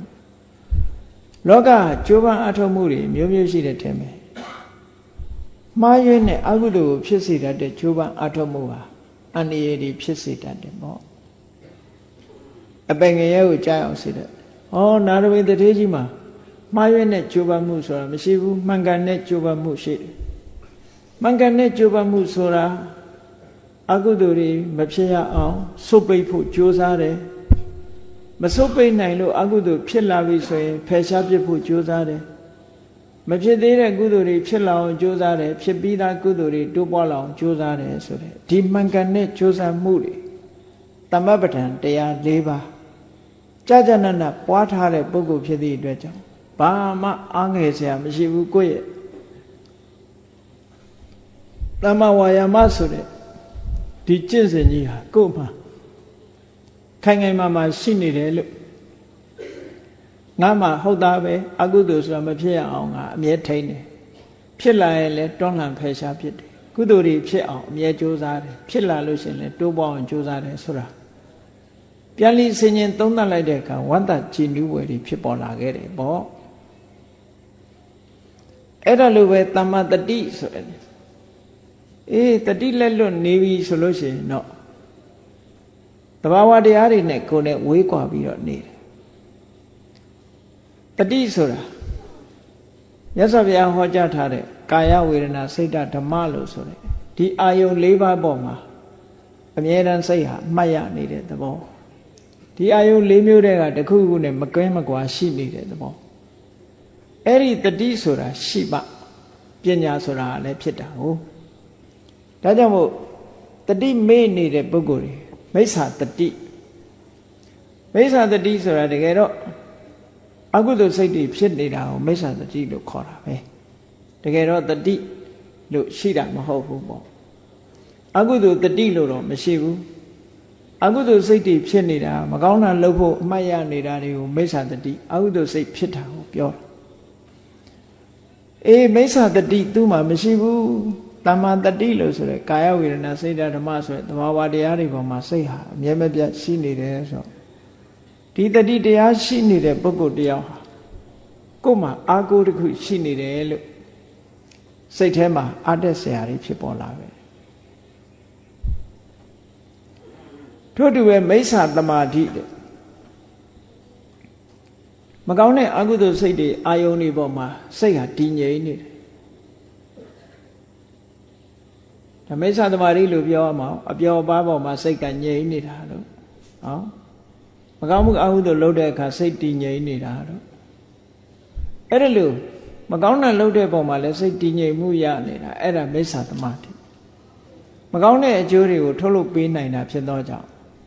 မိစ္ဆာတမာတိရဲ့လွှမ်းမိုးထားတဲ့ပုဂ္ဂိုလ်ရဲ့စိတ်ဟာကုသိုလ်ဆိုတာမဖြစ်နိုင်ဘူးပေါ့အေးတမ္မာတမာတိလို့ခေါ်တယ်ဇံရဲ့အာယုန်တွေပေါ်မှာဖြစ်စေဝိပဿနာရဲ့အာယုန်ပေါ်မှာပဲဖြစ်စေတမာတိတွေရရှိလာပြီစိတ်ကလေးငြိမ်းလာပြီတဘာဝတရားတွေအလုံးစုစည်းထားနိုင်လာပြီဆိုရင်ဒီတမာတိတရားဟာစိတ်ရဲ့ငြိမ်းချမ်းမှုကိုပေးပြီးတော့ စိတ်ရဲ့လှုပ်ရှားမှုမငြိမ်သက်မအေးချမ်းတဲ့ဥဒိစ္စစတဲ့ကိလေသာတွေကိုဖယ်ရှားထားနိုင်လို့အမှန်တမ်းအစွမ်းတတိထက်တဲ့သဘာဝတရားတစ်မျိုးဖြစ်တယ်ပေါ့အဲ့ဒါလည်းငါတဏ္ဍမှာရှိတယ်တွေးတောကြည့်လိုက်တာနဲ့စိတ်ထဲမှာကြည်နူးစရာတွေဖြစ်လာတယ်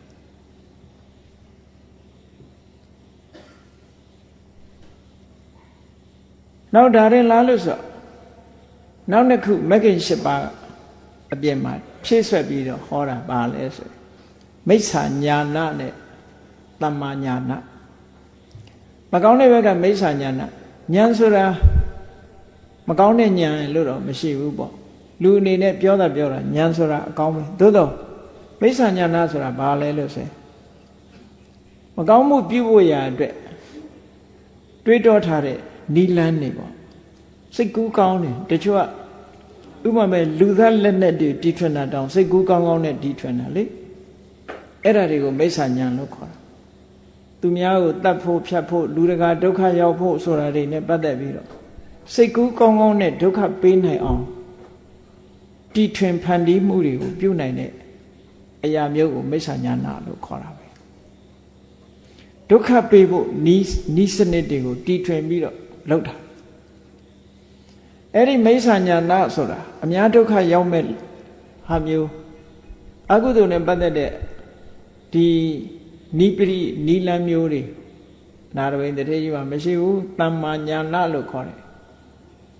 မမှန်ကန်ကန်သိတဲ့အသိဉာဏ်တွေအများကိုအကျိုးဖြစ်ထွန်းစေတဲ့အသိဉာဏ်မျိုးတွေအဲ့ဒီအသိဉာဏ်မျိုးတွေသာရှိသည့်အတွက်ကြောင့်ငါမှမှားရွံ့တဲ့မိစ္ဆာညာနာဆိုတာမျိုးပြည့်ပြည့်ရှိတဲ့ဟာမျိုးငါမှမရှိဘူးတမ္မာညာနာဆိုတဲ့ဒီမှန်ကန်တဲ့အသိဉာဏ်တန်ဖိုးရှိတဲ့အသိဉာဏ်တွေငါမှရှိနေတယ်လို့ဆိုစိတ်ထဲမှာကြည်နူးဝမ်းသာမှုဖြစ်တယ် ဟောနောက်ဆုံးတစ်ခုကျတော့မိစ္ဆာဝိမု ക്തി နဲ့တမ္မာဝိမု ക്തി မိစ္ဆာဝိမု ക്തി ဆိုတာမလွတ်ဖဲနဲ့မမရင်ရင်လွတ်တယ်လို့ထင်တယ်ဆိုပါစို့ကိလေသာမှလွတ်တာမဟုတ်ဘဲနဲ့ကိလေသာမှလွတ်တယ်လို့ထင်တယ်ပိစာတပဆိုတဲ့အကျင့်နေ့မွန်းတိအချိန်မှာကောင်းငင်ကနေရလည်းပဲအမတန်ပူတဲ့အချိန် အရလေးမျက်နှာကမိဖို့ကြီးလေးဖို့ဖိုးပြီးတော့အလဲကောင်မှထိုင်ပစ္စတပအကျင့်စွာကျင့်ပူလုံးအကြီးတော့ချွေးပြက်ပြက်ချပြီးတတိမိတ်မောသွားမိတ်မောပြီးတော့ချွေးတွေလွန်ပြီးတော့မိတ်မျောသွားတာကိုပဲဒါကကိလေသာကနေလွတ်မြောက်သွားတယ်လို့ဒီလိုယူဆတာအဲ့ဒါမျိုးကြတော့မိစ္ဆာဝိမု ക്തി လို့ခေါ်တာတကယ်လွတ်တာမဟုတ်ဘဲနဲ့လွတ်တယ်လို့ယူဆ ဆိုပါစို့နိခန္ဓယဟန်နေဒီကနေ့ခေတ်ဂျိန်းလို့ခေါ်တာပေါ့နိခန္ဓနာတဗုဒ္ဓဥဆောင်ပြီးတော့ဟောကြားတဲ့နိခန္ဓဝါဒမှာသူတို့ရဲ့ပန်းတိုင်ကဘာလဲလို့ဆိုရင်အတညတဘုံပဲအနန္တမာနတလို့ခေါ်တယ်အတညတဘုံစိတ်တွေအလုံးချုပ်သွားပြီးတော့ယုတ်ကြည်ကြံတဲ့အဆင့်ဟာဒါတကယ်လွတ်မြောက်မှုပဲလို့သူတို့ကမောက္ခလို့ခေါ်တော့ဘုံနေထာ သူတို့ရဲ့အဆုံးသတ်ပန်းတိုင်အဲ့ဒီရောက်ရင်သူတို့ဒါနိဗ္ဗာန်ရတာပဲလို့ဒီလိုယူဆတယ်အဲ့ဒါလည်းပဲတကယ်လွတ်မြောက်တာမဟုတ်ဘဲနဲ့လွတ်မြောက်တယ်လို့ယူဆတဲ့အတွက်ကြောင့်မိစ္ဆာဝိမု ക്തി လို့ခေါ်တယ်အပြည့်အတကယ်လွတ်မြောက်ခြင်းဆိုတာမဖြစ်ဘူးဟောမြတ်စွာဘုရားရဲ့ဒီမဂ္ဂင်၈ပါးအကျင့်တရားကိုကျင့်တဲ့အခါကျတော့ကိလေသာတွေကလုံးဝလွတ်တယ် တဏှာကလွတ်တယ်အဝိဇ္ဇာလွတ်တယ်အဝိဇ္ဇာချုပ်တယ်အဝိဇ္ဇာချုပ်တော့ဘာချုပ်လဲကံဆိုတဲ့သင်္ခါရတွေချုပ်တယ်ကံဆိုတဲ့သင်္ခါရတွေချုပ်တော့ဘဝတစ်ခုအစပြုတဲ့ဝိညာဏဆိုတာမလာဘူးဝိညာဏမလာရင်နာနေယုတ်တွေမလာတော့ဘူးချုပ်တယ်နာယုတ်တွေချုပ်သွားလို့ရှိရင်ထိုနာယုတ်တွေကိုမိပြီးတော့ဖြစ်နေတဲ့ sense organ လို့ခေါ်တဲ့အင်္ဂါရက်တွေလည်းချုပ်သွားအဲ့ဒီအင်္ဂါရက်တွေချုပ်သွားပြီဆိုရင်ပြင်ပအာယုန်တွေနဲ့ဆက်သွယ်မှုဆိုတာမလာဘူးဖတ်တာချုပ်တယ် ဖတ်တာချုပ်သွားလို့ရှိရင်အာယုန်ခံစားမှုဆိုတဲ့ဝေဒနာမလာဘူးအာယုန်ခံစားမှုဝေဒနာချုပ်သွားရင်တဏှာဆိုတဲ့လိုချင်တာမလာဘူးတဏှာဆိုတဲ့လိုချင်တာမလာဘူးဆိုရင်ဥပါဒံဆိုတဲ့စိတ်ဆွဲလန်းမှုဆိုတာမလာဘူး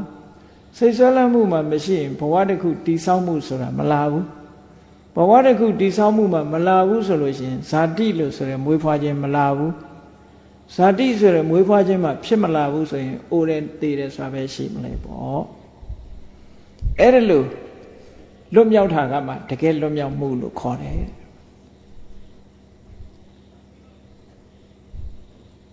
မမြဲတဲ့သင်္ခါရတရားတွေအလုံးလွတ်မြောက်ဖို့ဆိုတာ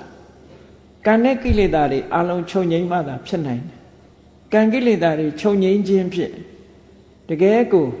တဏှာသင်္ခယဝိမု ക്ത လိုချင်မှုလုံးဝကုံဆုံးသွားတဲ့ နိဗ္ဗာန်မှာလွတ်မြောက်မှုကမှတကယ်လွတ်မြောက်မှုဆိုတာအဲ့ဒါကြတော့တမ္မာဝိမု ക്ത အခုနာရဝိသတိကြီးနေနဲ့မျက်မှောက်ပြုနေတာသောတပတိမဲ့သောတပတိဖိုးဆိုတာနဲ့မျက်မှောက်ပြုတာတကယ်တမ္မာဝိမု ക്ത တကယ်လွတ်မြောက်တဲ့အဆင့်တစ်ခုကိုသူမြင်နေရတဲ့သဘောနိဗ္ဗာန်ကိုအာရုံပြုနိုင်တဲ့သဘောဟောသောတပန်ပုဂ္ဂိုလ်ရဲ့အင်္ဂါ၄ချက်အပြင် မဂ္ဂင်၈ပါးမဂ္ဂင်၈ပါးမှာနောက်ထပ်ထပ်တိုးပြီးတော့တမ္မာညာဏတမ္မာဝိမု ക്തി ဆိုတာတွေထပ်ပို့ပြီး10မျိုးနဲ့အလုံး14မျိုးနဲ့ရှင်သာရိပုတ္တရာမထေရကအနာရဝိသထေကြီးကိုအာပိစကားပြောလိုက်တာအနာရဝိသထေကြီးဟာတရားနာရင်တရားနာရင်အေးဒီတရားတွေသူ့မှာရှိနေတာဟုတ်လိုက်တာဘာမှစိုးရင်စရာမရှိဘူးလို့ဆိုရဲစိတ်ရဲ့ ညဉ့်ညူးမှုလှုပ်ရှားမှုဆိုတာတွေဘာမှမရှိတော့ဘဲနဲ့တရားအရင်မှာပဲစိတ်ဟာကြည်လင်လို့ဝမ်းမြောက်ဝမ်းသာဖြစ်ပြီဆေးမတော့ပဲချက်ချင်းကြီးနေကောင်းသွားတယ်ယောဂဝေဒနာတွေပျောက်သွားတယ်အဲ့ဒါလို့ပျောက်တာဟာလဲနော်တာမန်တရားနာတဲ့အနေထားမဟုတ်ဘူးဆိုတာကိုတတိထားဖို့လိုအပ်တယ်ပေါ့မိမိတဏ္ဍာမှာတကယ်ရှိတာတွေကိုသိရတဲ့အခါမှာစိတ်ထဲမှာကြည်နူးပြီးတော့ပီတိတွေဖြစ်လာလို့ပျောက်သွားတယ်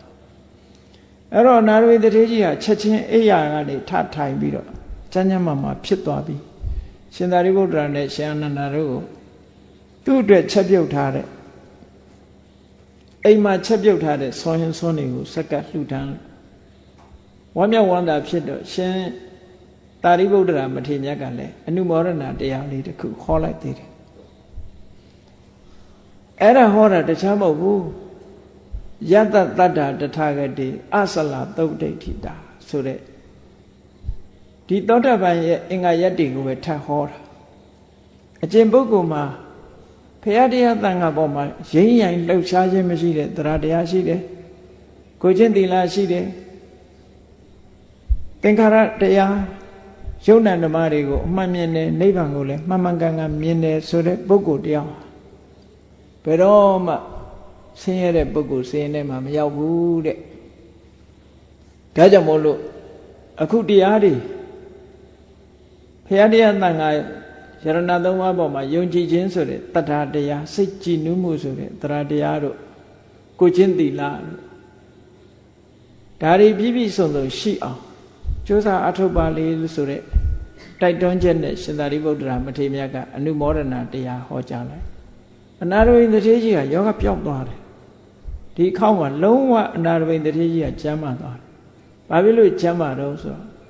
သူတဏ္ဍမှာရှိတဲ့တရားတွေအနှစ်သာရတွေကိုရှင်သာရိပုတ္တရာတစ်ခုချင်းတစ်ခုချင်းထောက်ပြတော့စိတ်ချမ်းသာမှုရတယ်စိတ်ချမ်းသာလို့ကိုကျမ်းမာသွားတာတဲ့ဒါကြောင့်မို့လို့ဘုန်းကြီးတို့တွေလည်းစိတ်ချမ်းသာမှုရအောင်တရားနဲ့စိတ်ချမ်းသာမှုရအောင်ကြိုးစားတခြားနည်းတွေနဲ့စိတ်ချမ်းသာမှုရအောင်မကြိုးစားနဲ့တရားနဲ့စိတ်ချမ်းသာမှုရအောင်ကြိုးစား အဲ့ဒါလို့ကြိုးစားအထုတ်ခြင်းဖြင့်ယောဂဝိရဏတွေတက်တာလို့ကိုကျမ်းမာတဲ့အခါမှာကိုကျိုးအတွက်ဖြစ်စေအများအကျိုးအတွက်ဖြစ်စေသာသနာဘာသာအကျိုးအတွက်ဖြစ်စေလူဘဝရလာတဲ့အခါမှာအများရဲ့အကျိုးစီးပွားကိုဆောင်ရွက်ခြင်းဖြင့်ကောင်းမြတ်တဲ့အကျိုးစီးပွားကိုဆောင်ရွက်လို့မိမိဟာလူဘဝရရှိလာခြင်းရဲ့တန်ဖိုးဟာပြည့်ပြည့်ဝဝရှိပြီး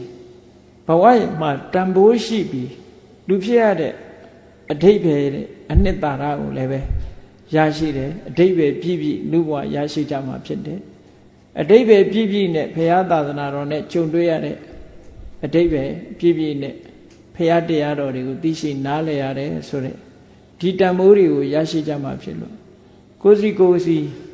မိမိတို့စိတ်ချမ်းသာမှုတရားဓမ္မနဲ့စိတ်ချမ်းသာမှုကိုရအောင်ရှားပြီးတော့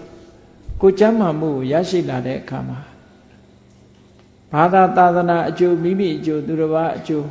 ပွားတို့အောင်ကြိုးစားခြင်းဖြင့်မိမိဘဝတန်မိုးရှိအောင်ဆောင်ရွက်နိုင်ကြပါစေကုန်သတည်း